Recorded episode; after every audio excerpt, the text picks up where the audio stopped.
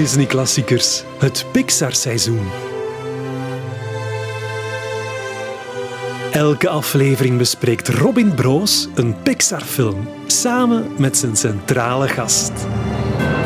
Welkom in de 91ste aflevering van Disney Klassiekers. Het is een specialeke vandaag um, en daarvoor heb ik iemand uh, geweldig fijn uitgenodigd die heel grote fan is van alles wat met Pixar te maken, is, um, te maken heeft. Hij is radiopresentator en stemacteur, ooit uh, vaak te horen geweest op Q-Music. Vandaag is hij audioproducer en podcaststrategist bij VRT Max. Dag Rick Boei. Dag Robin Broos, wat een inleiding.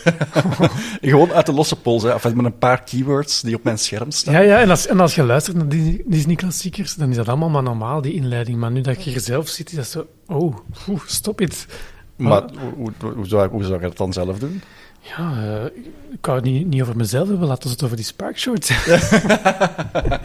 Meteen to the point komen. Uh, Rick, um, was jij als kind een Disney-fan? Ja, echt enorm. Uh, al heb ik on, on, ja, een paar jaar geleden beseft, ik was nog nooit in Disneyland geweest. En dan, naar lang dat ik met mensen praat over Disney met de jaren, dan kon ik precies niet meer beweren dat je een Disney-fan bent.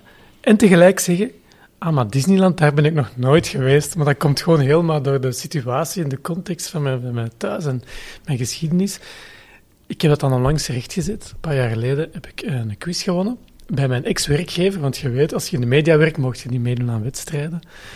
Uh, dat ik dan bij Q wegging, heb ik meegedaan aan een wedstrijd van Q Music. Zalig. Dat was zo'n online quiz, uh, zoals middags met een app. Moest je zo vragen beantwoorden in een online quiz. Ja, ik herinner mij dat nog. Ja. Dat was zo'n appje. Ja. En ik had alle vragen juist en dat was juist bij de Disney-editie. En ik had gewonnen. En dan kreeg ik een mailtje van Q-Music, je mag naar Disneyland. en ben ik daar geweest, dus dank u, Q-Music ook. Ja, oké. Okay. En wat vond je ervan? Zalig. Dat was toen ook wel met mijn zoontje, die dan al geboren was. Uh, waar de, die ook al meteen Disney-fan was, vanaf dat hij tv mocht kijken van ons. En die stond daar te springen en te lopen. En ik heb het vooral beleefd via hem. En dan zag ik ja, die, die magie ik wou dat ik dat ook had meegemaakt op die jonge leeftijd, maar ik, ik, was heel blij om daar te zijn. Maar je hebt het op een of andere manier wel meegemaakt, namelijk via de films. Ja, ja, ja. ja. En uh, ik denk, alle het, video's, dvd's. Uh, toen Disney Plus ook naar hier ging komen, dacht ik, oh, eindelijk kan ik alles zien wat ik nooit heb gekocht. Uh, maar bij mij was het wel vooral sinds dat Pixar in de picture kwam, dat die films hebben mij op een of andere manier veel meer aangesproken dan de wat toen nog vooral de prinsessenverhalen waren. En zo de, zo ook zelfs Lion King, en zo Aladdin, heb ik allemaal in, in een bioscoop gezien. Maar bij Pixar was pas echt de vonk van, oh maar hier ben ik super fan van wat dat die mensen hier aan het maken zijn. Maar de Toy Story is van 1995. Hoe oud was je ja, toen? Dan was ik elf jaar. Klopt toch, hè? Ik kan niet goed rekenen, maar dan was ik elf jaar, ja. Dus dat is, dat, is een, dat is, een, mooie leed. Dat kan, dat, ja, ja, waarom zou dat niet kunnen? Ja, 84. Je is ook van 84. van 84. Ja, dat waren wij 11, ja, toch? Oké, okay, dank u voor de... ja. dat was fenomenaal. Hè. Dat was duidelijk iets nieuws. Iets dat, dat de animatie heeft veranderd. Gewoon van alle tekenfilms die je tot dan toe kende, waren niet zoals Toy Story. En de films die daarna kwamen, gingen precies altijd nog een stapje verder. Ja, tuurlijk. Ja, het werd ook altijd maar spectaculairder wat ze konden doen. Ja. En ik was als kind heel gefascineerd, vooral door de, man de, manier waarop ze dat deden. Dus ik ben zo al die films blijven bekijken in de bioscoop. Maar op den duur was ik zowel de enige nog ja. die dat deed. Ja. Weet je waarom ik dat merkte? Aan die sequels. Dus ik merkte, als dan Toy Story 2, Toy Story 3 en ook al Cars 2 toen werd ik zo de verdediger van die sequels. En dan merkte ik, oh, daar ben ik wel echt heel fan. Want als, als mensen dat soms terecht afbreken van, ja, maar ja, ze hebben geen inspiratie meer. Terwijl ik dacht, dat weet je niet waarom dat ze dit maken. Dat, dat mag toch gewoon. Je hebt toch ook Star Wars met zes, negen films. Mhm. Of nog veel meer met een heel universum. En bij films was dat ook al zo. Waarom zou dat dan bij animatie niet mogen? Ik had u de argumenten niet allemaal opzommen, maar dan voelde ik van... Ja, ik wil dat echt. Ik vind Pixar, ik ben daar ook veel meer over gaan lezen ook met de, met de jaren. Ik weet niet meer wanneer, maar als ik er een boek over vond of zo, wou ik weten hoe werken die mensen en hoe kan ik bij de Vlaamse Pixar gaan werken. dat, is, dat bestaat niet natuurlijk. Ja. Dat was wel zo een, een van mijn levensdoelen geworden daardoor zelfs. Want eh, wil dat zeggen dat je dan ook echt zo bent gaan verdiepen in animatie zelf? Of... Nee, ik tekende wel als kind heel Ja. vaak. Ik teken nog eigenlijk veel, maar dat, dat, daar- niemand ziet die tekeningen of mijn, mijn, brouwsels. Maar vooral in het maken van dingen. Want dat is wel iets, we zijn allebei makers van concepten, of dat dan nu geluid is of beeld of met, tekst. Wat zij heel hard kunnen, en wat ze volgens mij zelfs de film of vooral animatiewereld hebben veranderd, is de processen, hoe ze iets maken, hoe ze inspiratie tot, tot nieuwe concepten komen. En ik denk dat dus die Spark Shorts daar een, een heel goed voorbeeld van zijn. Toen dat je mij vroeg om deze aflevering, toen dacht ik, oh, je vraagt me niet voor een van mijn lievelingsfilms. Maar dan achteraf dacht ik, nee, maar nee, dat is niet waar, want Spark Shorts is net een voorbeeld van mijn fanship van Pixar en hun Ja. aanpak van hoe ze tot, eh, tot nieuwe ideeën komen of tot nieuwe makers. Nu wil ik eerst wel weten wat jouw favoriete Pixar-film is. Wel, ik heb er een paar, maar Up is eentje. Up eh, van Carl en Ellie met de luchtballonnen. Dat is echt wel ehm, iets dat mij het diepste ooit had geraakt. Door, die, ja, door dat begin. Je kent het begin, hè, zo, die, met die muziek van Michael Giacchino en, en dat zonder woorden, wat bij Wally ook zo knap was. Maar omdat dat ook nog eens ging over de liefde en over kinderen en over het hele leven en de zin van het leven en het, het leven en dood. Ja, dat, dat zie ik bijna zelfs nooit in films. Ik weet dat er heel mooie films worden gemaakt en ik wil niet tegen de filmjournalist eh, Pixar verheven boven gewone films, maar Dat mag, hè? dat Als er is... één plek is waar je dat veilig Ja, kan ja, doen, is dan in Disney-klassiekers. Dat, dat zou ik hopen, dus ik, ik spreek hier vrij uit. Hè. Ja, ik vind Up echt een van de beste films court. Ook al heeft Xavier Taverne in Disney-klassiekers eh, meegegeven dat hij vanaf dat dan wel begon, dat, dat met, dat met het huis naar de pratende honden gaan en zodat het dan zever is en, dat het dan mocht stoppen. Maar nee, ik, was, ik bleef mee tot het einde, omdat dat net het contrast gaf van dat begin, van de avonturen van Carl en Ellie en dat daar dat hij zijn avontuur nou had meegemaakt, dat hij daar geen Kevin en geen pratende honden voor nodig had. Zodat, sorry, als je ah, me moet oké. tegenhouden, Ja, doe het. Nee, nee, nee, nee, nee, ik vind het interessant. Ehm, ik heb altijd gedacht, dat zou een prachtige kortfilm zijn. Zeker, ja.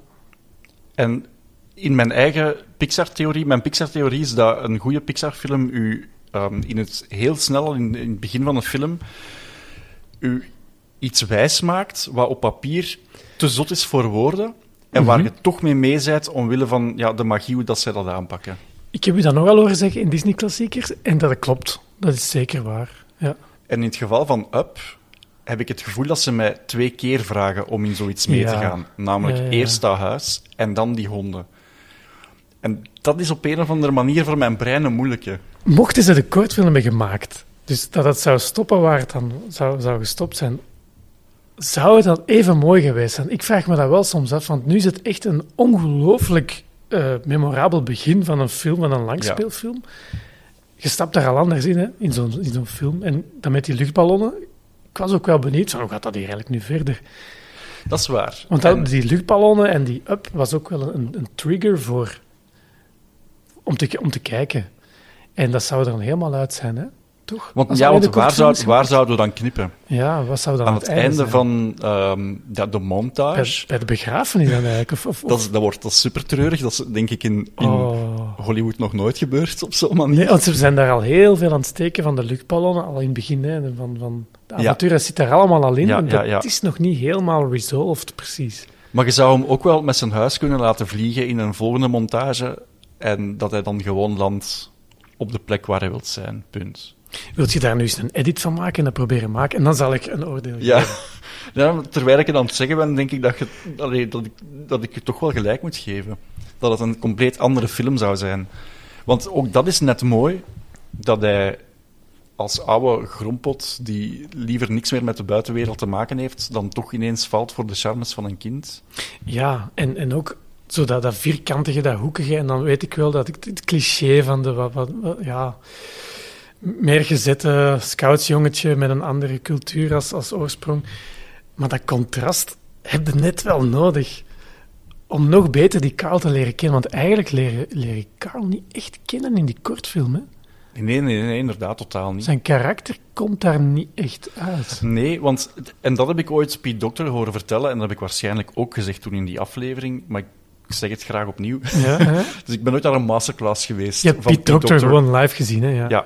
En ehm, daar vertelde hij dat de Disney-bazen uit die vier minuten woordeloze montage in het begin, dat de Disney-bazen zeiden, ja, top, alleen dat stukje waar dat je ziet dat zij niet zwanger kan worden, dat moet eruit. Dat vinden we te zielig. Ja, ja, ja, ik heb dat gehoord. Je hebt dat verteld. Ja, ja, ja. Ja, maar dat gaat niet, want je- Carl is gewoon geen fijne man.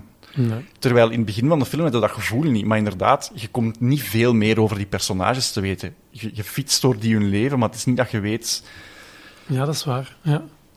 En je, er moet wel een excuus... Je, je moet wel je publiek kunnen duidelijk maken dat dat wel een fijne mens is geweest. Ja, ja, ja.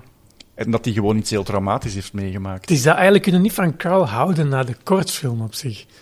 Nee, Ik voel, ik voel dat daar nog van alles gestart is dat nog niet geëindigd is. ja. Dat is mooi gezegd. Ja, dus up. Ehm, Dus je was eigenlijk een beetje teleurgesteld toen ik jou niet vroeg voor die aflevering. Nee, nee, nee, nee, nee, nee, helemaal niet. Nee, nee, nee. Ehm, nee, maar dat was vooral door die Spark Shorts dat ik dat nu zei van... Ja, Oh nee, de Spark Shorts.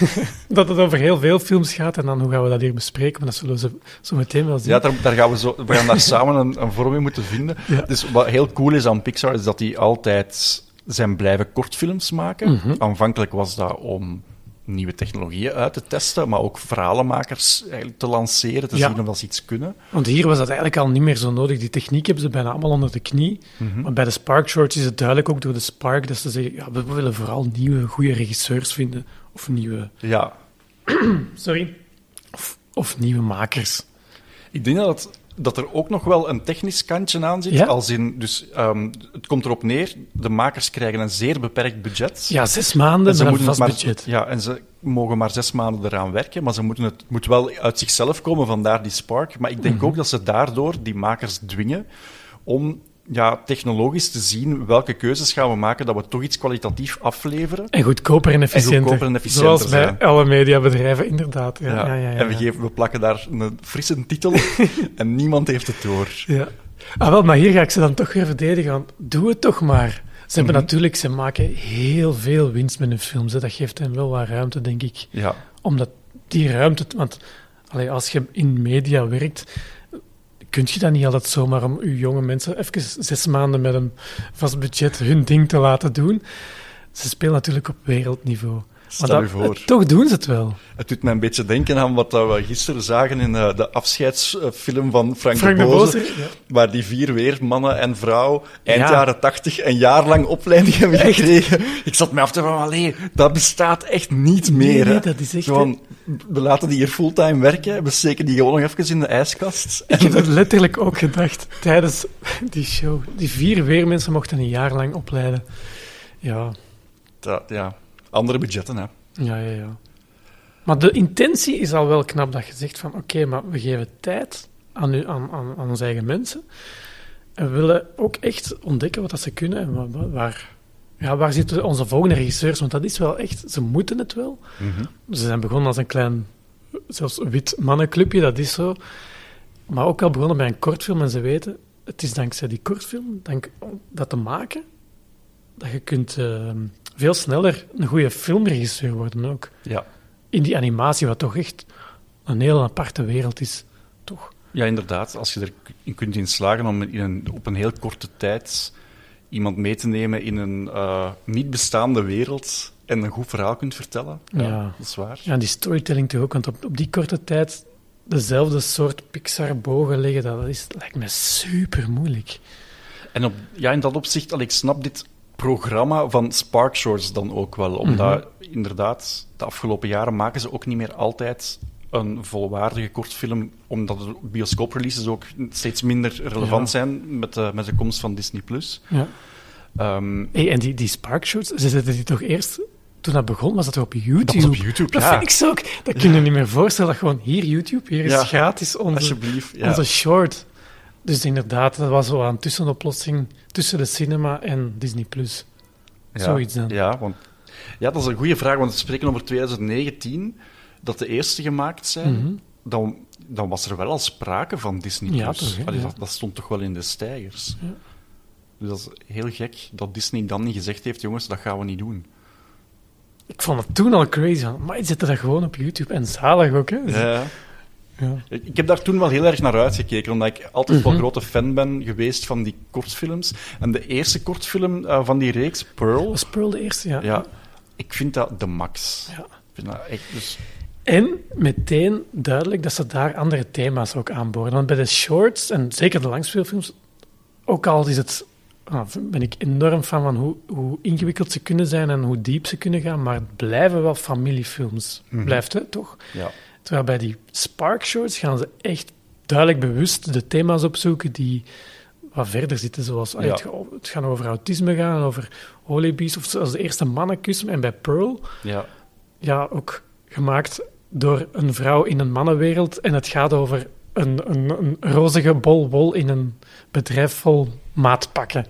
Dus het kon niet, niet vingerdikker erop liggen dan dat, toch? Exact, het is, het is zelfs geen metafoor. Nee, echt niet. Ja. Het is zelfs wat cliché om er een roze bol wol van te maken. ja, maar net dat maakt het zo goed, door Ja. dat cliché te benoemen. Inderdaad. Dus ja, voor, voor wie eh, niet begrijpt waar het over gaat. Ja, ja, het, is een, ja. het is een bedrijf waar dus inderdaad alleen maar mannen werken in maatpak. En dan komt daar plots een roze bol, bol werken en die wil deel worden van de mannenclub. Mhm. Maar ja, de mannen lachen naar uit en ze mag niet meedoen en ze mag niet meegaan afterworken. Totdat ze zich aanpast, of, of doet alsof ze ook een van de, van de guys is en dan, dan keert het plots. Ja. En wat mij ook frappeerde was toen... Ja, omdat als je veel interviews leest over Pixar, dat doe je sowieso, dat weet ik, ehm, is dat de regisseurs vaak zeiden van, ah ja, eigenlijk geeft dit ook aan... Dat staat ook in de boeken over Pixar trouwens, heel goed beschreven. Die film hebben we gemaakt omdat we net toevallig in een fase zaten dat we in problemen zaten. Of, ah ja, hier waren we onszelf een beetje kwijt, dus... En dit is eigenlijk weer een voorbeeld van Pixar maakt iets over zichzelf. Van eigenlijk moeten we eens eh, dringend onze jonge talenten wat kans geven. En de vrouwen, en, enzovoort, enzovoort. En ik vond dat toch weer een typisch voorbeeld. Ja, en nu ik er zo over nadenk. ehm, dus de Spark Shorts zijn begonnen op het moment dat John Lasseter net ja, aan de kant geschoven of, of vertrokken is. Enfin, Ja. maar dus na MeToo. Nu kan je eens vragen, weet jij daar het diepere verhaal van? Want het is altijd zo niet verteld, hè, toch? Wat is Eh, daar eigenlijk gebeurd? Hij, hij was gewoon nogal tactiel met Ah, vrouwen op de werkvloer. Oké, oké. En, goh. Ik vind dat een moeilijk verhaal, want je, Mhm. je hoort daar geen getuigenissen over. Nee, van, ja. van, Maar daarom mogen dat ook niet minimaliseren. Ik denk dat dat iemand is die naar Amerikaanse normen zowel... Dat is zo'n hugger, dat is iemand die zijn mensen wel Ja, graag ja, vastpakt. Maar als je dat dan constant ziet te doen bij vrouwen die aangeven dat ze dat eigenlijk niet zo prettig vinden, Mhm. Ja, dan is dat moeilijk, hè? Ja, ja, ja. Want hij is echt wel helemaal uit de picture verdwenen. Hè. Hij werkt nu mee aan achter de schermen van die nieuwe studio die voor Netflix, denk ik, dingen Ah, maakt. ja, ja, maar ja, ja, ja, ja. goh, dat, dat fijne weet ik nu niet meer precies. Maar dus ja, dat is deel van het verhaal daar ook, denk ik. En dan ze moesten dringend eens naar wat jonge mensen gaan. Dat is, ja, eigenlijk als je da- daar nu zo over nadenkt, en dan de eerste film die ze zo maken, gaat eigenlijk puur over seksisme op Ja, de werkvloer. Letterlijk, ja, ja. Dat is ja, toch wel straf. ja. Maar en dat vond ik toen al heel opvallend. Dus het is nog niet zo, 2000, eigenlijk nog maar vier jaar geleden, die Spark Shorts. Ja. Ja. Het zou ook de eerste kortfilm zijn, of de eerste eh, keer to koer in een Pixar-film, nee, de tweede keer to koer in een Pixar-film, dat er gevloekt wordt. Ah, cool. cool. Ja, heel Ja. raar dat ze dat in, eh, in Amerika toch altijd zo... Ja, dus ze, ze zijn hier de, de moeilijke grenzen toch wat meer gaan opzoeken. En zoals bij die mannetjes, dat weet ik nog heel van. Ah, is het eigenlijk nog maar de eerste keer dat er iemand in een Disney-film, tout court, waar mannen kussen? Ja, dan moet je al van heel ver komen, hè, toch? Ja, inderdaad. Dat kunnen wij ons hier eigenlijk niet meer voorstellen. Nee. Zo heel de hetsen ook rond een, een reeks als Modern Family, Mhm. waar Amerika over op zijn kop stond, want dat gaat dan over nieuw samengestelde gezinnen, maar ook over een homokoppel met een kind. En ja, dan staan wij hier in West-Europa toch wel een pak verder. Mhm. Waarbij ik zeker niet gezegd heb dat we er zijn. maar ja, goed. Ehm, wacht, hè, want de, de homokus, dat zit in een... Dat is nog verder, ja, nog Ja. veel verder, denk ik. ehm, die film heet Out. Ja, oud. Ja, ik weet, de volgorde ken ik allemaal niet zo goed, maar ik weet nog dat Pearl en erg, zo, ja. dat wa- en Kidpool Ja. waren dan niet zo de eerste. Ja. Je had er zo'n paar die Ja, ja, voor het ja. eerst... Kid Bull. Kid Bull is de tweede. Nee, of het de derde. De derde, ah ja, want ik Ja. weet ook nog, die was wel genomineerd ook voor een Oscar, kan? Dus dan voelt, daar, daar voelt je ook al van, maar als ze met hun, short, met hun Spark Short kunnen genomineerd worden, Ja. toch, blijft toch belangrijk, zo'n Mhm. nominatie. En dat was ook dan zo'n 2D-animatie, dus ik vond het opvallend dat ze dan ook in die Sparks gingen terug met 2D aan de slag gaan. Ja. En dan, ja, in zo een van de making-ofs, weet ik dat ze ook zeiden, ja, maar eigenlijk waren we dat niet meer gewoon. En zijn we dat 2D-proces gaan verwerken in ons 3D-proces, want het moet bij Pixar in het 3D-proces. Ja, ja, ja. Het is niet direct heel technisch, maar dan voelde je inderdaad van, ze zijn wel op zoek nog naar nieuwe processen om het efficiënter te maken. Dat klopt wat je daarnet hebt gezegd. Ja, want inderdaad, als je met je ehm, technologie, met je software die er dan toch al is, als je erin kunt slagen van toch een andere stijl ook te maken, Ja, ja. dan kun je plots ineens wel... Dan gaat er een nieuwe wereld open. Hè? Mhm. Ik denk dat zo'n films vooral opvallen bij het publiek of bij de Academy, net omdat ze zo nog eens teruggrijpen naar zo dat nostalgische Ja. van, oh, dit is met de hand getekend, oh, leuk. Ja. En niet noodzakelijk omdat dat een goede film is. Nee. Ja, nee. En ook zo een, een, een katje en een pitbull, dat is een kidbull. Ja, oké. ja, zo, ja, ik bedoel, ook dat is wat je daar juist zei, van het kan niet meer cliché zijn dan Ja. dat, ja, kat en, kat en hond. Ja, Ja, ja, ja, ja. Ja, en bij Oud ook letterlijk. Hè, dat heet ook Oud. Die Ja. film over eh, een homokoppel heet Oud. Ja, dan is het heel, heel niveau 1 in uw titelgeving. ja. Dat vertelt wel iets ook. En blijkbaar las ik het kleurgebruik in die film Oud. Mhm. zijn zeer bewust alle kleuren van de, holy, van de regenboogvlag. Wist ik niet. En cool, want het is eh, de, zowat de enige film die er uitspringt van alle Pixar-producties die totaal ander kleurgebruik heeft. Ja, Dat verklaart het. goed Dank hè? u voor die trivia. Ja, Dat zijn echt zo, ja, ik kan daar heel gelukkig van worden van, zo, van zoiets super banaal te lezen. ja. Ja. Amai, dat ik dat niet, niet zo wat door had. maar dus wacht, we hebben nu al 1 en 3. Wat was dan het tweede? Want dat was Smash and grab. Smash and Grab. Ja, die zo'n heel hard Wally feel had. hè. Zo eentje, één robot die goed kon smashen, eentje kon goed grabben en die moesten dan Ja. samenwerken. Ja. Da- daar vraag ik mij dan oprecht vanaf. Ja, maar wacht, iemand heeft dat gepitcht. Ja. Daar moet toch iemand anders gedacht hebben. Ja, maar wacht, dat is eigenlijk gewoon Wally, maar dan op een andere manier verteld. Ja. En, en het was ook niet meer de bedoeling om die als short voor een andere film te zetten. Dus het is Nee. echt gewoon, ah ja, we hebben hier nu wat, Ja. wat, misschien wat modellen liggen van bij Wally. We kunnen dat gemakkelijk recupereren of zoiets. Ja, ik vind, ik vind dat... Ja. Enfin, ik vind dat mooi, hè. het was een mooi filmpje, maar... Ja. ja. Daar hadden ze toch wel een filter op mogen zetten. Ja, weet je wat ik trouwens nu aan denk? Ehm wat bij mij ook een heel groot deel van de Pixar-fanship ehm doorkomt, is door de muziek. Ja. En daar, daar zijn ze enorm goed in om de juiste componist, of componisten of liedjes en zo, minder liedjes, aan te duiden. En dat is bij de Spark Shorts heb ik dat dus veel minder. Ik weet niet waarom, maar daar word ik minder geraakt door die, door die muziek. En ook omdat het zo kort is misschien, maar ja, dat, of, of omdat het zo snel is moeten gaan misschien Mhm. ook, omdat het weinig mocht kosten. Maar dat is voor mij een deel van waarom het allemaal net iets minder diep raakt in mijn hart. Ja, en ja, het, zijn, het zijn niet de grote namen, maar ik vermoed ook als het, als het echt on budget is, dat ze die ook niet kunnen betalen daarvoor. Dat ja. vorige shorts, bijvoorbeeld Michael Giacchino, heeft dat ook al een paar keer gedaan. Ja, ja, Dus- want de, de normale shorts, dat is ook wel verwarrend. De Spark shorts en short, nou, de gewone shorts, wauw, daar kun je toch ook op korte tijd echt kapot van zijn. Ik Ja, toch- ja, ja, ja, absoluut, absoluut. Ja. En ik was ook altijd heel blij als die muziek ook achteraf apart werd uitgebracht, al was het maar digitaal. Maar Mhm.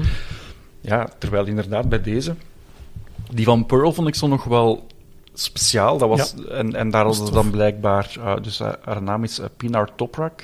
Dat is een Turks-Amerikaanse componist die intussen ook gewerkt heeft voor... Die heeft ook Captain Marvel mogen doen. Ja, dus dat is ongeveer, ongeveer dezelfde periode. ook doorstoten vanuit. Dat is ook een, een lab voor componisten misschien ook, Ja, uit. Ja, en ik denk ook wel, zeker in het geval van Captain Marvel, maar eigenlijk ook voor die Pearl, ja, het zal wel een bewuste keuze geweest zijn om een vrouw te vragen om die muziek te maken. In een, In, in het geval van Pearl kan het bijna niet anders. Ja. Eh, ja. Ja, en bij Captain Marvel lijkt het mij ook Ja, wel de logische. En het is sowieso een hele rare sector. Hollywood is sowieso nog altijd heel erg mannelijk, maar ze doen Mhm. wel heel erg hun best. Of, eh, of ze zeggen dat ze heel erg hun best doen om het diverser te maken. Maar als we echt puur gaan kijken naar filmmuziek, naar soundtracks, dat blijft echt wel een mannenwereld. Ja, ja. En ik vind dat in Pearl, dus om het echt over de film te dat het wel mooi aan bod komt. En dat het echt een... een ik word dan blij dat dat verhaal wordt meegegeven aan hopelijk heel veel mensen en aan heel veel kinderen die dat gewoon mee- meekrijgen. van dat is dat is hier niet normaal. En ja, vind dat tof. Hoe zou dat binnenkomen, zo'n kortfilm, bij iemand die effectief elke dag in zijn maatpak in dat soort van bedrijf gaat werken? Als die al wil kijken naar, eh, naar zo'n korte Pixar-film. Ja, geen idee. Dan, moet, dan zou je eens moeten testen. hè. Zou dat confronterend zijn of zou hij dat niet doorhebben? Ja, of die zou dat ook wel van, ah ja, schattig, tof. ja, dat weet ik niet De eigenlijk. roos. Ja. Ik, kan niet kijken, kan niet kijken naar een film met zoveel roos. Hoewel, ja, over roos gesproken, ik wil heel graag... Ik kijk heel erg uit naar de Barbie-film. Ja, ja, ja, ja. Greta Gerwig, ook echt topregisseur, wat dat die ermee gaat doen. Gewoon heel benieuwd. Die trailer, Ja. die Kubrick-referentie, echt prachtig. Maar goed, Ja. we, wijken af, maar dat mag. Ehm, de volgende film is Float. ja, en die heb ik volgens mij het meest gezien met mijn zoontje. Ehm, omdat we eigenlijk bewust, ook al is het wel Disney, is het ook commercieel, bla bla bla bla. Maar we bewust ook vaak, sinds Disney Plus er is, vaak van die dingen opgezet om de variatie erin te houden tegenover Mhm. het vele Paw Patrol en Bob de Bouwer geweld. Ja. Eh, zonder hier eh, andere merken af te, af te. Hoe zeg je dat? Zonder hier andere merken af te Breken. breken, ja. Ja. Ehm, Dat mag, hè. Maar Bij Disney zit er wel heel veel variatie. En in, die float bijvoorbeeld is eigenlijk wel redelijk toegankelijk. En ik heb dan ooit gelezen, maar verbeter me, want jij weet dat beter, dat die maker ook een, een kind had met autisme. En dat, dat wist ik pas achteraf. En als ik het dan ook bekeek, bedacht ik van, ah ja, dat, dat vliegen. Dus eigenlijk, er is een, een kindje dat, dat kan vliegen. ja, die heeft kan een zweven. magische kracht dat die zweeft. Ja. Ja, en, en de papa gaat ermee naar de speeltuin en die probeert die tegen te houden, bij de grond te houden, de zwaartekracht te controleren, omdat hij zich wat schaamt over, over het, het zweven van zijn kind. En achteraf was dat wel, oh, knap dat eigenlijk heel dat thema daarin zit. ja. Niet benoemd, niet zo letterlijk zoals bij Pearl, maar het zit er wel heel hard in van, ja, een, een kind kan anders zijn en een, een, papa leert om dat te aanvaarden en dat niet te willen controleren en verbergen.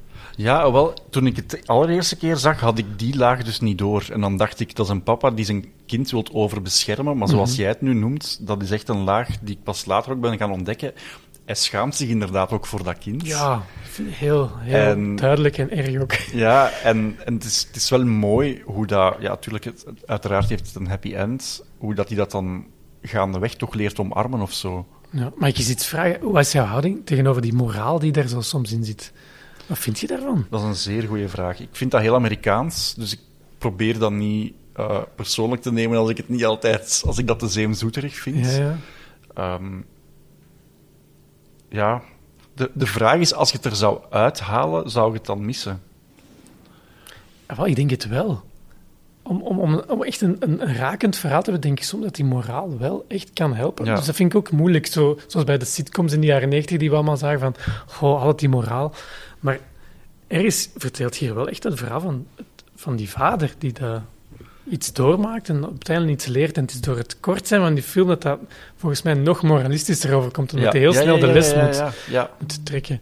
Maar ik heb, ik heb dat nu wel zelf als vader van dus jonge kinderen ook heel vaak nog dat gevoel van, oh, eh, bijvoorbeeld buiten in de speeltuin vraagt niet zoveel aandacht, of oh, je roept zo hard, ze is wat stiller, maar nog altijd denk ik onder meer aan die film, niet per se altijd aan float, hè, maar wel aan dat principe van, maar dude, let them be, die, die, die Ja, hun hersenen werken anders, en eh, laat dat gewoon eens zijn, die, die moeten gewoon kind kunnen zijn, en zichzelf vooral kunnen zijn, los van het kind zijn. Dus als, als dan die laag autisme erbij kwam, ben ik het nog anders gaan bekijken, omdat dat dan... Ja, ik kan me dat niet inbeelden hoe dat is. Ehm, maar via die film een beetje wel. Ja, want dat, dit is nu echt iets heel metaforisch. Ja. En ik denk, mocht je het dan laten eindigen met de papa die nog altijd zo in het leven staat, dat dat gewoon super sip is. Ja. Ja, ja, ja, ja. Was wat inderdaad misschien wel zou mogen als je het eruit haalt, maar dan, ja, dan zou het misschien niet gemaakt worden zelfs. Nee, ah, wel, daarom Ja, dat ik denk, ja. dat dit is heel Amerikaans. Je, krijgt. Dat, je krijgt dat daar niet aan de studiobaas uitgelegd, dat je gaat eindigen met een papa die zijn kind bij wijze van spreken verstoot. Ja, ja, ja. ja. Ja, nou, En dan, als ik dan denk aan Inside Out, waar er enorm veel laagjes en intellect in zit, ja, daar kun je dan, omdat dat een langspeelfilm is, en hier moet dat op zo'n korte tijd, dus het moet gewoon simplistischer. Ja, Maar ik, die vind ik dus al vaak opgezet, omdat die ook wel toegankelijk is. Het is gewoon heel duidelijk, een kindje gaat naar de speeltuin, maar die kan eigenlijk vliegen.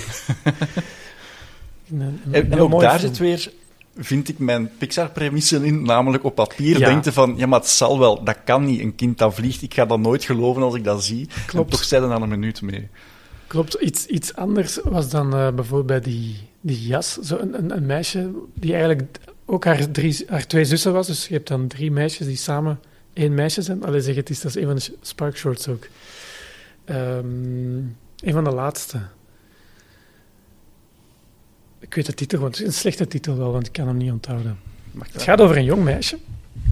En die voelt altijd nog dat haar zussen mee zijn. 20-something.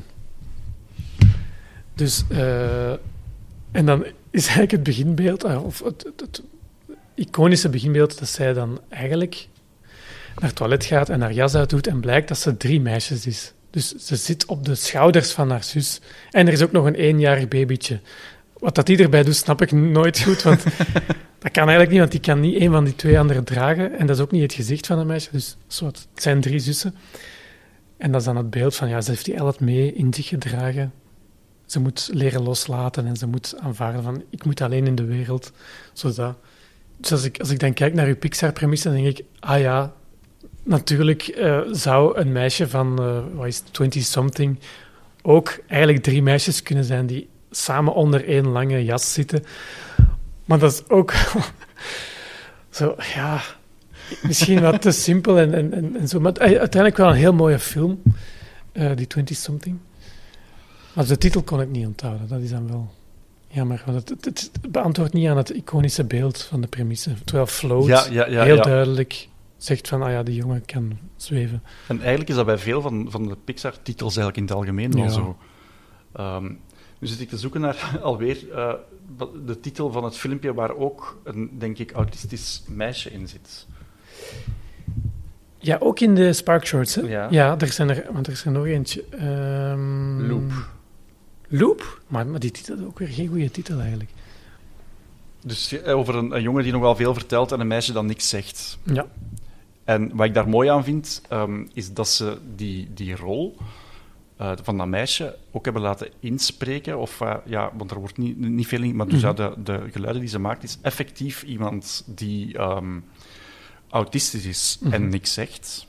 En om die persoon toch comfortabel te doen voelen bij het opnemen daarvan, hebben ze besloten, we gaan dat gewoon bij u thuis opnemen. Cool. Dus ze hebben een studio geïnstalleerd en terecht, helemaal terecht. Het zou zelfs erg zijn als het niet zo was, vind ik nu ineens. Ja. Maar heel cool, ja. Ja, de, hieraan voelt je dat hier echt wel een ja, serieuze levensloop aan vooraf gaat. Ja. Dat kan niet geschreven zijn door iemand dat daar niet mee geconfronteerd is. Inderdaad, ja. Ja, en het was ook, denk ik, de opdracht, het moest echt een verhaal zijn van hunzelf. Mm -hmm. Ze mochten, volgens mij zelfs, bij de Spark Shows, mochten die regisseurs ook zonder hulp aan de slag. Maar ze hebben natuurlijk allemaal hulp gevraagd, want ja, als je daar zit... Ja. De talent loopt daar, hey, loopt daar op de... Ja, het loopt daar vol talent. Ja, ja, ja. Uh, maar dat is inderdaad waar. Het vertelt allemaal iets over, over hunzelf. Dat vond ik wel, want we hebben uh, toevallig ook alle twee afgelopen weekend de documentaire bekeken die ja, daarover gemaakt is. Ja, nee, nee, maar ik was eigenlijk helemaal vergeten dat die bestond totdat jij mij dat stuurde. Dus ik ben dan ook, uh, ook gaan kijken. Ik vond dat wel bijna... Uh, ik vond dat heel, um, hoe moet ik dat zeggen, touching. Uh -huh. Die een zo wat, wat, oudere man, man dat al heel lang bij Pixar meedraait, een hele goede storyboarder is, maar eigenlijk gewoon altijd vastgeroest heeft gezeten in die job, die dan plots Ja. de kans krijgt om dat te doen, en zich de hele tijd in dat proces zit af te vragen van... Komt, ja, komt dat niet wel laat op mijn traject? Moet ik daar nog blij Ja. mee zijn? Dan lukt het ook niet van de eerste keer. De depressie dat daarbij komt. Ik vond dat heel, heel aangrijpend eigenlijk. Ja, ja, klopt. Ja, dat is ook heel mooi in die documentaire, want dat is, ze maken niet vaak een, een, een documentaire met echte mensen. Dat is, ik denk dat Pixar dat bijna nooit maakt. Dus daar hebben ze ook dat in proberen krijgen, dat wij dat voelen met die maker. Ik vind dat wel goed gelukt. Het is echt een fanboy aan, aan het woord hier, hè, maar ja. En daar zie je ook wel dat het een beetje promo is van ze moeten dan hun, uh, hun bedrijf... Je ziet dan weer alle kanten van het bedrijf, dus je denkt dan, oh wauw, wauw, Pixar. dus het is gelukt. Maar ja, dat zijn maar mensen... Ja, als je programma's maakt, of zoals wij, dan weet je ook dat dat een enorme struggle is en, Mhm. en dat dat niet anders is eigenlijk. Dat, dat een radioprogramma of een film maken of een serie schrijven waarschijnlijk allemaal dezelfde creatieve hoogtes en dieptes heeft. Alleen moeten zij dat daar op zes maanden doen voor een miljardenbedrijf. Dat de- heel de Ja. wereld gaat het zien. Dus ik denk dat de druk enorm moet zijn. Toch? Ja, ik vraag mij oprecht af of dat er zo ook sparkshorts gemaakt zijn die we Die- nooit gezien hebben. Ja, dat kan niet anders. Ja. Want bij langspeelfilms is dat evident. Dat is denk ik in het parcours van Pixar één keer gebeurd. Dat ze aan iets begonnen zijn wat dan gecanceld is. Maar ja, Ja. we weten dat, omdat die ook aangekondigd worden. Ja. En aandeelhouders en al die, al die zever. Dus we moeten dat weten. Maar kan bij bijna dit- niet anders, denk ik. Maar ik heb er al over getwijfeld, omdat, omdat ik ze niet allemaal zo tof vind. En dan denk ik, ah ja, dat moet dan wel. Er moet al af en toe eentje minder tof zijn. Ja. Maar lijkt me straf dat ze er niet af en toe eentje... eh, of, de, of productie stopzetten en van, oké, het lukt niet. Want ik zeg het, die makers moeten onder enorme druk zitten. Mhm. Ehm, en ah, dat is bij ons niet anders. Hè. Hier, vaak beginnen we aan iets en dan moeten we stoppen omdat iemand niet echt verder raakt of te diep zit of ja. uitstel vraagt. Ja, en dat is wel, wat daar heb je in het begin al aangegeven. Hè? Dat is wel straf dat zo'n bedrijf dan toch, het zal niet veel zijn, maar dan toch investeert in eigen talent om die mensen gewoon te laten doen.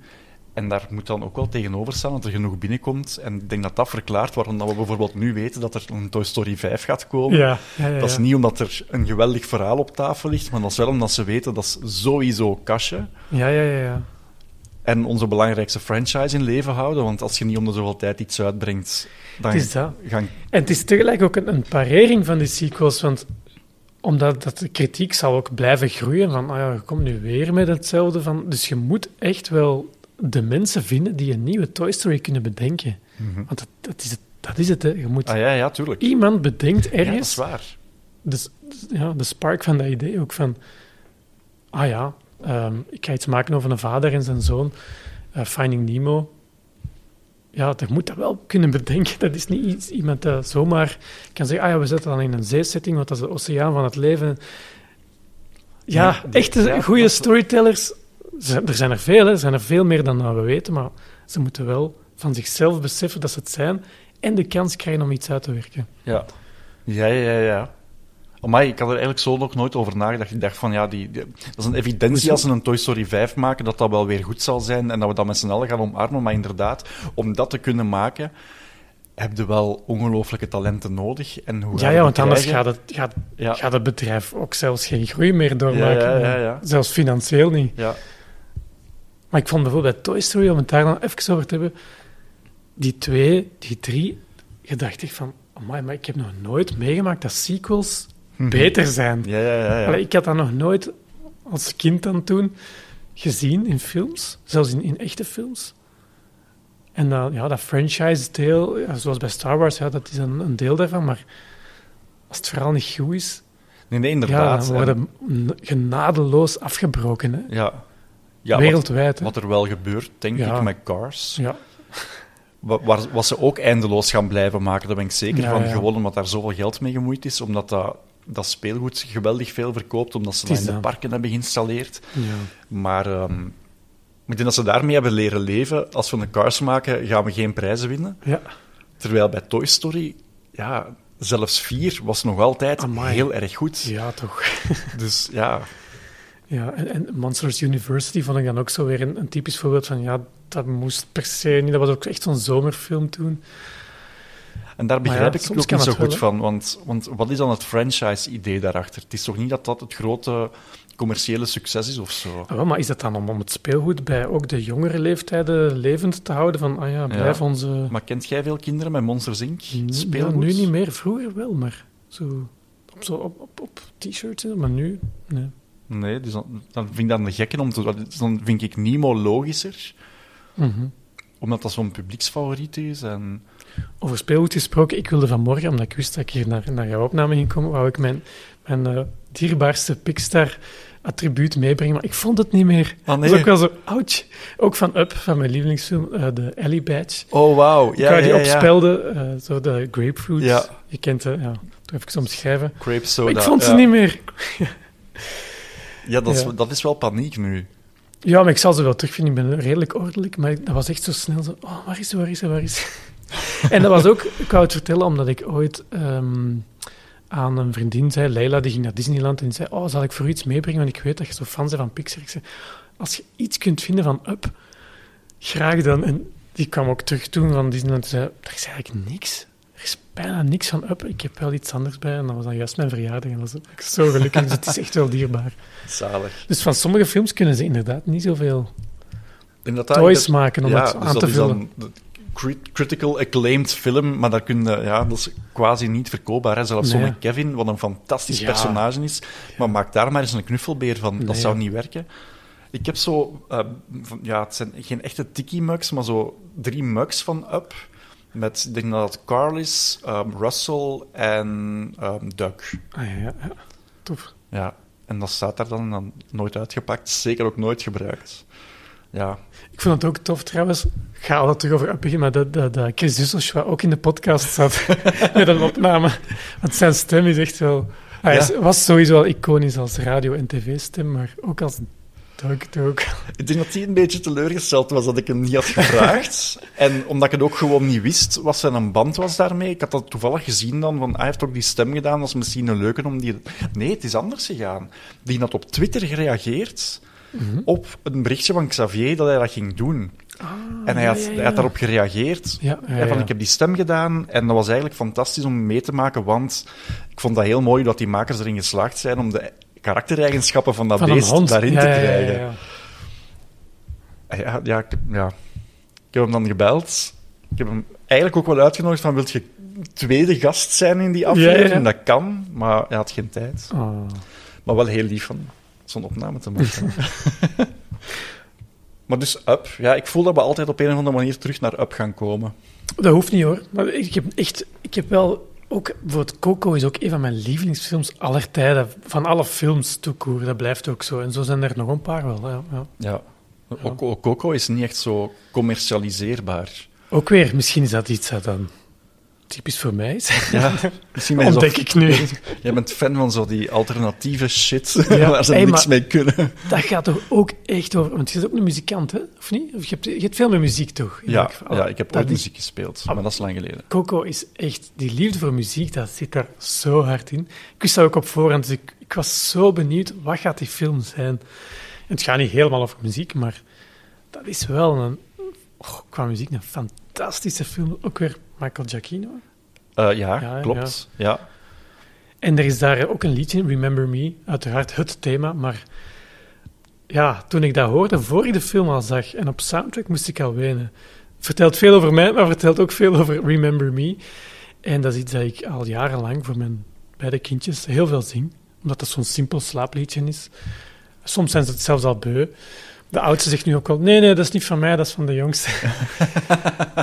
maar eh, ja, ah, wel, om maar te zeggen, Coco Oh, en- ook fantastisch. En ik krijg nu ook weer een flashback naar gisteren, Frank de Bozere, Ja? die in rust, rusthuizen gaat muziek spelen. En waar we dan merken dat dementerende ouderen, dat die niks meer weten. Die weten niet wat er een minuut geleden is gezegd, maar die, wat ze wel nog kennen is muziek. Ja. En daar gaat Coco over. Dat is een ander soort geheugen. En dat, dat raakt uw diepste ziel. Prachtig, hè? Ja. Allee, echt, d- dat is een scène waar ik het niet droog bij kan houden. Ja. Wanneer dat die... En hoe, hoe prachtig ziet die vrouw er ook uit. Zo totaal doorgerimpelde vrouw. ja. Dat die plots dat nummer mee begint te zingen. Oh. En de film is genoemd naar haar. Zij is Coco. Het gaat niet over dat jongetje, niet over de gitaar, niet die muzikale held. Het gaat over haar. Dat is wat je hier benoemt, klopt. Coco is die, die bomma. Ja, ik denk dat nog altijd heel veel mensen denken dat, dat, dat Miguel eigenlijk Coco ja, ja, is. ja. Dat- ik denk dat ook. Ja. Ja. En dan moet dat nog komen in de podcast? Coco. Ja. Coco is net geweest. Ah, net geweest. Ja. Dat heb ik nog niet gehoord. Wie zat er in de aflevering? Apollonia Sterks. Oh, die moet ik nog eh, luisteren. Oh, dat is tof. Kan ik straks luisteren. En Amel Garcia, de muzikant van Bart, ja, van ja. Bart Peters. Oh, oké, ik weet wat ik straks moet luisteren. Oh, die Ja. heb ik, heb ik eh, gemist. Dus het gaat ook wel heel uitgebreid over de muziek gaan. Ja. Sorry voor mensen die nu twee keer hetzelfde hebben gehoord. Dat doet er mij aan denken dat Amel mij gevraagd heeft als ik de LP nog eens ergens vind van Coco. eh, dit, is, dit is Note to Self. ja, ehm, dat ik die voor hem moet bestellen. ja, ja. Dat Niet vergeten, hè. Ik ga dat niet vergeten. Ehm, Dus de Spark Shorts. ja. er Ehm, zijn er nog een paar die we niet hebben benoemd. Is het Winds? Ja, Wind. Wind? Toch, hè? Wind? Ja. Zeg nog eens kort, heb je daar een omschrijving staan? Want Ja. soms weet ik het ook niet meer, omdat de titels niet altijd zo goed Grootmoeder gekozen en zijn. een kleinzoon. ehm Ja, het is niet zo bijgebleven. Ik heb die ooit gezien. Voor u? Nee, nee. Nee. Ja, het, vraagt veel, het vraagt veel van een kijker, omdat je op korte tijd moet meegaan in een andere wereld. En ik denk dat daar de tijdspanne te kort voor is of zo. Ja. En dat zal toch ook wel een les zijn om voor die korte films te gaan kijken naar simpelere, toegankelijkere ideetjes. Ja, Om dat in de simpelheid iets ingewikkelder te maken dan, dan ehm, in een ingewikkelde setting. Want als we dan kijken naar, ik zeg maar iets, eh Piper, Mhm. over gewoon een vogeltje en een babyvogeltje, waar amper verhaal, eigenlijk, eigenlijk zit daar geen verhaal in. En toch zijn ze super gecharmeerd. Zeggen, die leert zwemmen. Ja. Wat is het eigenlijk? dat is het aller, allersimpelste idee ooit. Loskomen, ook wel vaak een thema. Hè? Ja, Loslaten Ja. en, en loskomen van je, wat je kent of wat je nog moet leren kennen in de grote wereld. Super simpel. Ja. Wat ik heel erg mis, nu ik erover nadenk, zijn zo die shorts waar je keihard mee kunt lachen. Ah ja, ja, ja. Zo For the Birds ja, of Presto. ja. Dat, dat, ja, dat, Er dat is wordt- eigenlijk geen Spark Short die eigenlijk heel grappig is. Hè? Nee. Nee. Even moet ik even denken, als ik nog eens de lijst bekijk. Tenzij dat je Pearl zou beschouwen als iets waar humor in zit. Want er zit humor in, maar... Mm, ik vond Burrow ook wel heel knap. Dat was echt zo. Dat was ook bijna een short, weet ik nog. Dat ze dat eigenlijk bijna gingen daaruit halen als apart eh, cinema Ja. filmpje. Nee. Ehm, ja, en, en de laatste, Nona, is dan die ehm, van een van die twee die ze volgen in die documentaire. Ja. Ja, en eh, over eh, worstelen ook. Eigenlijk ook weer over een grootouder en haar, haar kleinkind. Dat is eigenlijk wel iets dat veel terugkomt nu. Of is dat nu omdat we het er toevallig lang over hebben gehad, maar een, eh, een omaatje Ja. en haar kleinkind. En het kleinkind krijgt niet genoeg aandacht van de oma, omdat hij heel graag naar worstelen kijkt op tv. Zo, ja, ook weer zo. De, ja, het is veel van dezelfde thematieken in zelfs. Dat is natuurlijk het gevaar als je aan je mensen vraagt, vertel een verhaal dat van jezelf Ja. vertrekt. Dat valt mij nu ook dus op, hè. Want mocht je mij, en dat heeft nu met de samenloop van omstandigheden te maken, omdat mijn grootmoeder vorige, vrijdag over, eh, vorige zaterdag overleden is, mocht je mij nu vragen, waar denkt je top of mind aan, wat houdt u bezig, dan zal het waarschijnlijk ook in die richting gaan. Ja, En liefst dan nog iets, iets mooi om, om te herinneren of zo. ja, ja. ja. ja. Mocht jij nu top of mind... Oh, familie sowieso, daar zit al zoveel in. En muziek is dat bij mij ook wel. Mm. Maar ook wel eh, in het hele... Ik zal toch even het woord woke gebruiken. Daar zit nog zoveel in dat kan, dat kan ontdekt worden om het... Want ik vind dat, dat zo'n films kunnen helpen om die thematieken die daar ergens diep in, in het woke gegeven zitten, om die toegankelijk te vertellen, om te laten Mhm. zien waar het eigenlijk over gaat. Ja. Daar kunnen volgens mij van die films ook bij helpen. Wat ik heel schoon vind, is bijvoorbeeld ehm, dat filmpje... Wacht, was het Bouw? Over de dumpling. Ja, bouw. Ja. Ehm, en ik heb toen het geluk gehad van die, van die maakster daarover te kunnen interviewen Cool. op Annecy. En ehm, ja, vaak is dat dan zo in pakket. Je mag dan de regisseur van de A-film interviewen en dan is de voorwaarde dat je ook de regisseur van de kortfilm Ah, ja, ja, interviewt. Maar ik vind dat fijn, want je weet, over een paar jaar maakt hij misschien iets fantastisch. Dus ik probeer er dan ook wel wat naar te vissen. ja. En allee, ze gaf wel aan, want ik ben bezig met een film, maar ik mag daar nog niks over zeggen. Dat is dan Turning Red geworden. Maar eigenlijk vertelt hij... Topfilm toch echt? Ja. Oh, my. Eigenlijk vertelt Ja. hij twee keer hetzelfde verhaal. namelijk dat je als ehm, westers meisje met, eh, of persoon met roots in Azië, dat je constant op twee benen moet, moet hinkelen. En Mhm. dat je, je wilt er voor je familie zijn, wat de traditie verwacht. Je wilt tegelijk ook zo westers mogelijk zijn. Want ja, dat, verwacht u om, allee, dat verwachten uw vrienden op school. En dat moet een hele moeilijke strijd zijn. En dat is iets wat dat die mensen nooit gezien hebben in dit soort van entertainment. En dat vind ik heel interessant, dat we daar eindelijk aan het komen zijn. Mhm. Wel, dat is de, nou, nu gaat de fanboy weer praten, maar dat is dus ook wel wat zij dus bereiken met hun, met hun projecten, met die shorts en dan die Spark Shorts. Effectief met het doel om dat op te gaan zoeken. Van, maak het eens wat moeilijker. Ja, Want we weten dat we komen van een clubje van vier mannen die alle films bedachten voor de komende jaren. En dat zijn ze nu, nu helemaal niet meer aan het doen. Mhm. Exact. Ja, En Turning Red is daar een heel mooi voorbeeld van. En dat geeft tegelijk aan van, ja, maar dan moet ik dat vooral al niet maken als je mij vraagt van wat zou jij top of mind maken. Maar ik zou het wel mee willen mogelijk maken dat dat meer en meer kan. ja. Dat voelde je toen ook heel erg, want ehm, er zit dan ook altijd een producer bij. Ja. En dat was in dit geval weliswaar een vrouw, maar duidelijk een heel westerse eh, eh, witte vrouw. Dat die inderdaad, wat dat jij zegt, daar dan zo super fier op zijn van wij zijn hier iets aan het mogelijk maken dat anders nooit gebeurd was. Ja. En ik wil, ik wil mee eh, aan, aan de kar trekken daarvoor. Ja, ja, ja. En ik vraag me nu, zegt dat hij ook Turning Red heeft gemaakt dan, na Bouw. Was dat ook niet bij die van ehm goh, Luca? Dat hij eerst de ander... La Luna. La Luna heeft gemaakt. Ook dat Italiaans. En eigenlijk helemaal dezelfde... Ook weer Ja. bijna dezelfde film, maar met een ander verhaal.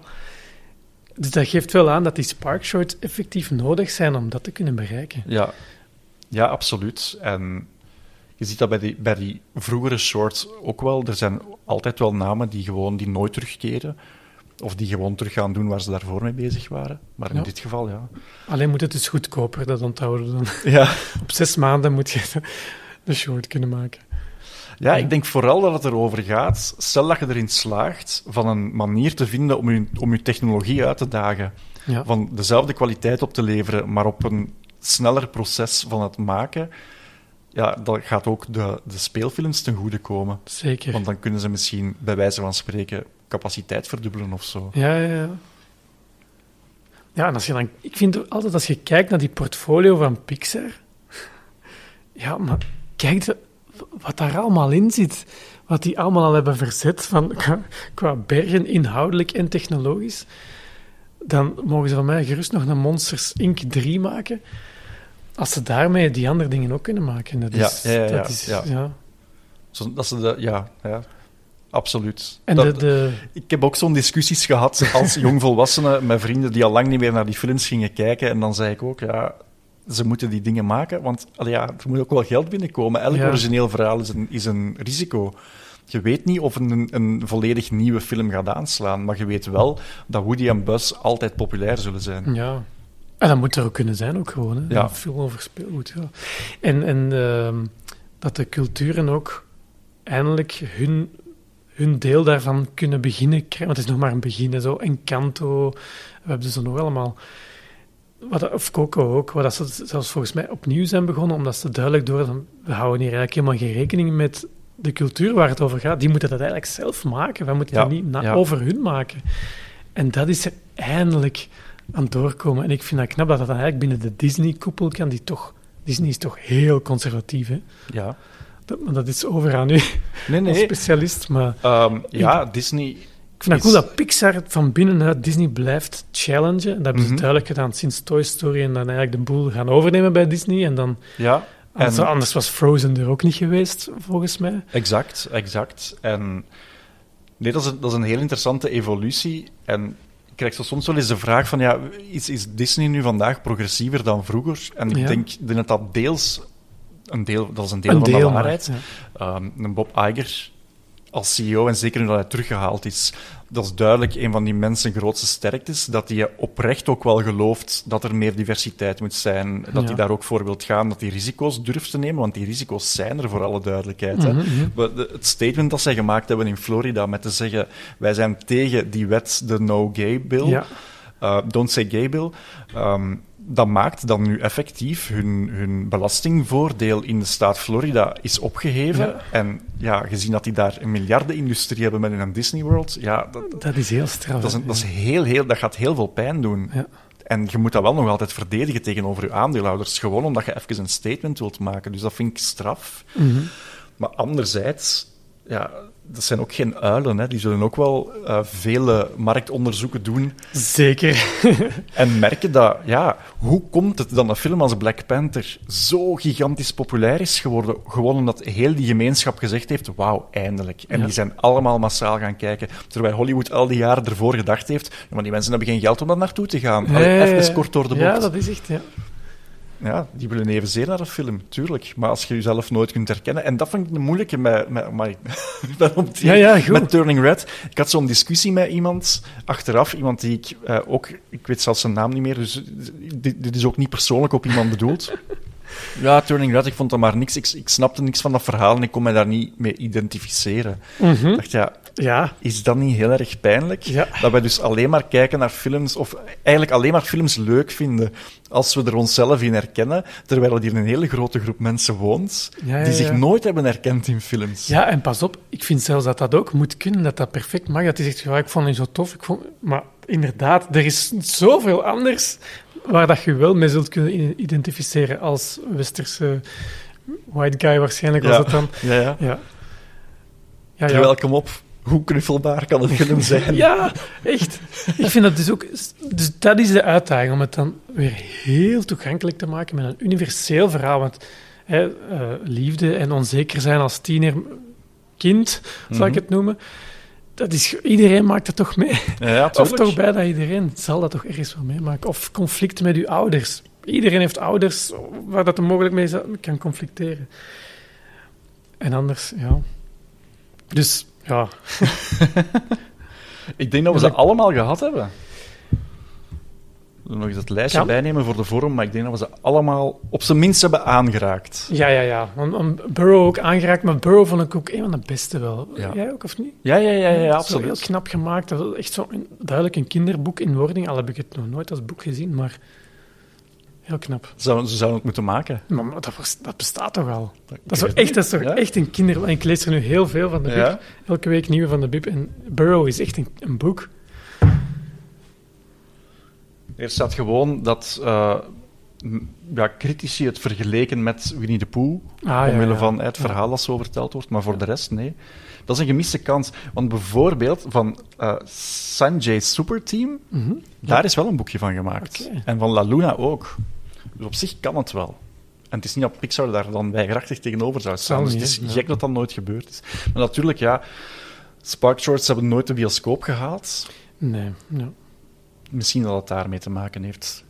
Dat die cijfers gewoon niet hoog genoeg zijn om merchandise te verantwoorden. En weet je iets over de toekomst van Spark Shorts? Blijft dat gewoon zo Nee. zoals het nu gaat? Want Nee, wel, ik heb daar inderdaad naar zitten zoeken. Ehm, nee, de laatste dateert nu van ehm, 2021, wat mij dus doet vermoeden dat dat project gewoon stopgezet is. Ah, oké, ja, ja. Want anders zouden we vorig jaar toch ook al wel eentje Ja, gehad hebben. daarom. Of zouden ze nu ineens in september er drie nieuwe hebben of zo? Want bijvoorbeeld ook, ze hebben nu die Pixar Popcorn. Ja. Waar hij, allee, ja, dat, dat, nee. Ik ga, ik, ik, Geen aflevering over... ik, ga dat, ik ga dat wel doen, maar hoe ik dat ga aanpakken, dat, zullen we, eh, dat zal je dan wel merken. Ja. Maar ehm, ook dat is iets waar ik me dan van afvraag. Waarom maken ze dat nu? Is dat ook iets? Is dat de bedoeling om daar verschillende seizoenen van te maken? Allee, waar gaat dat naartoe? ja.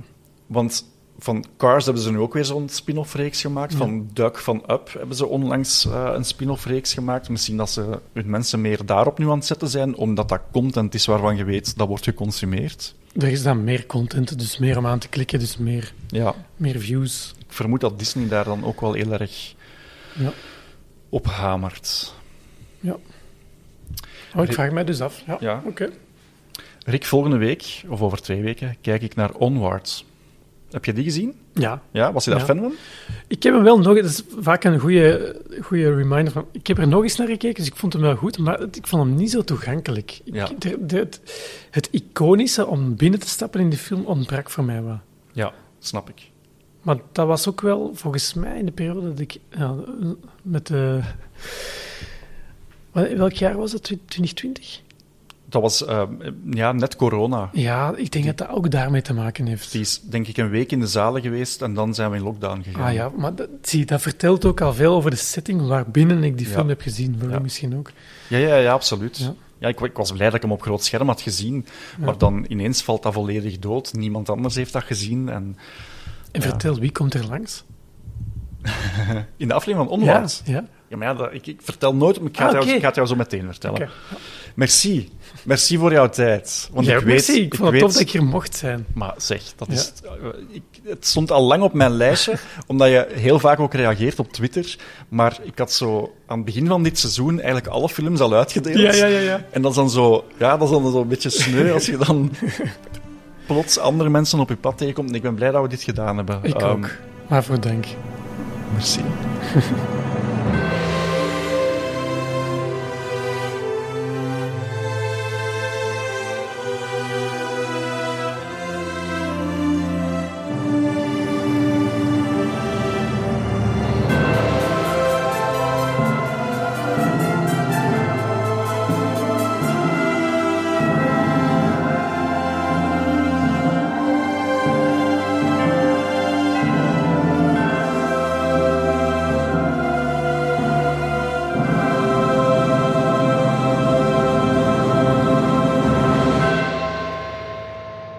Al je vragen of opmerkingen naar robin.robinbroos.be of post ze onder de hashtag Disneyklassiekers.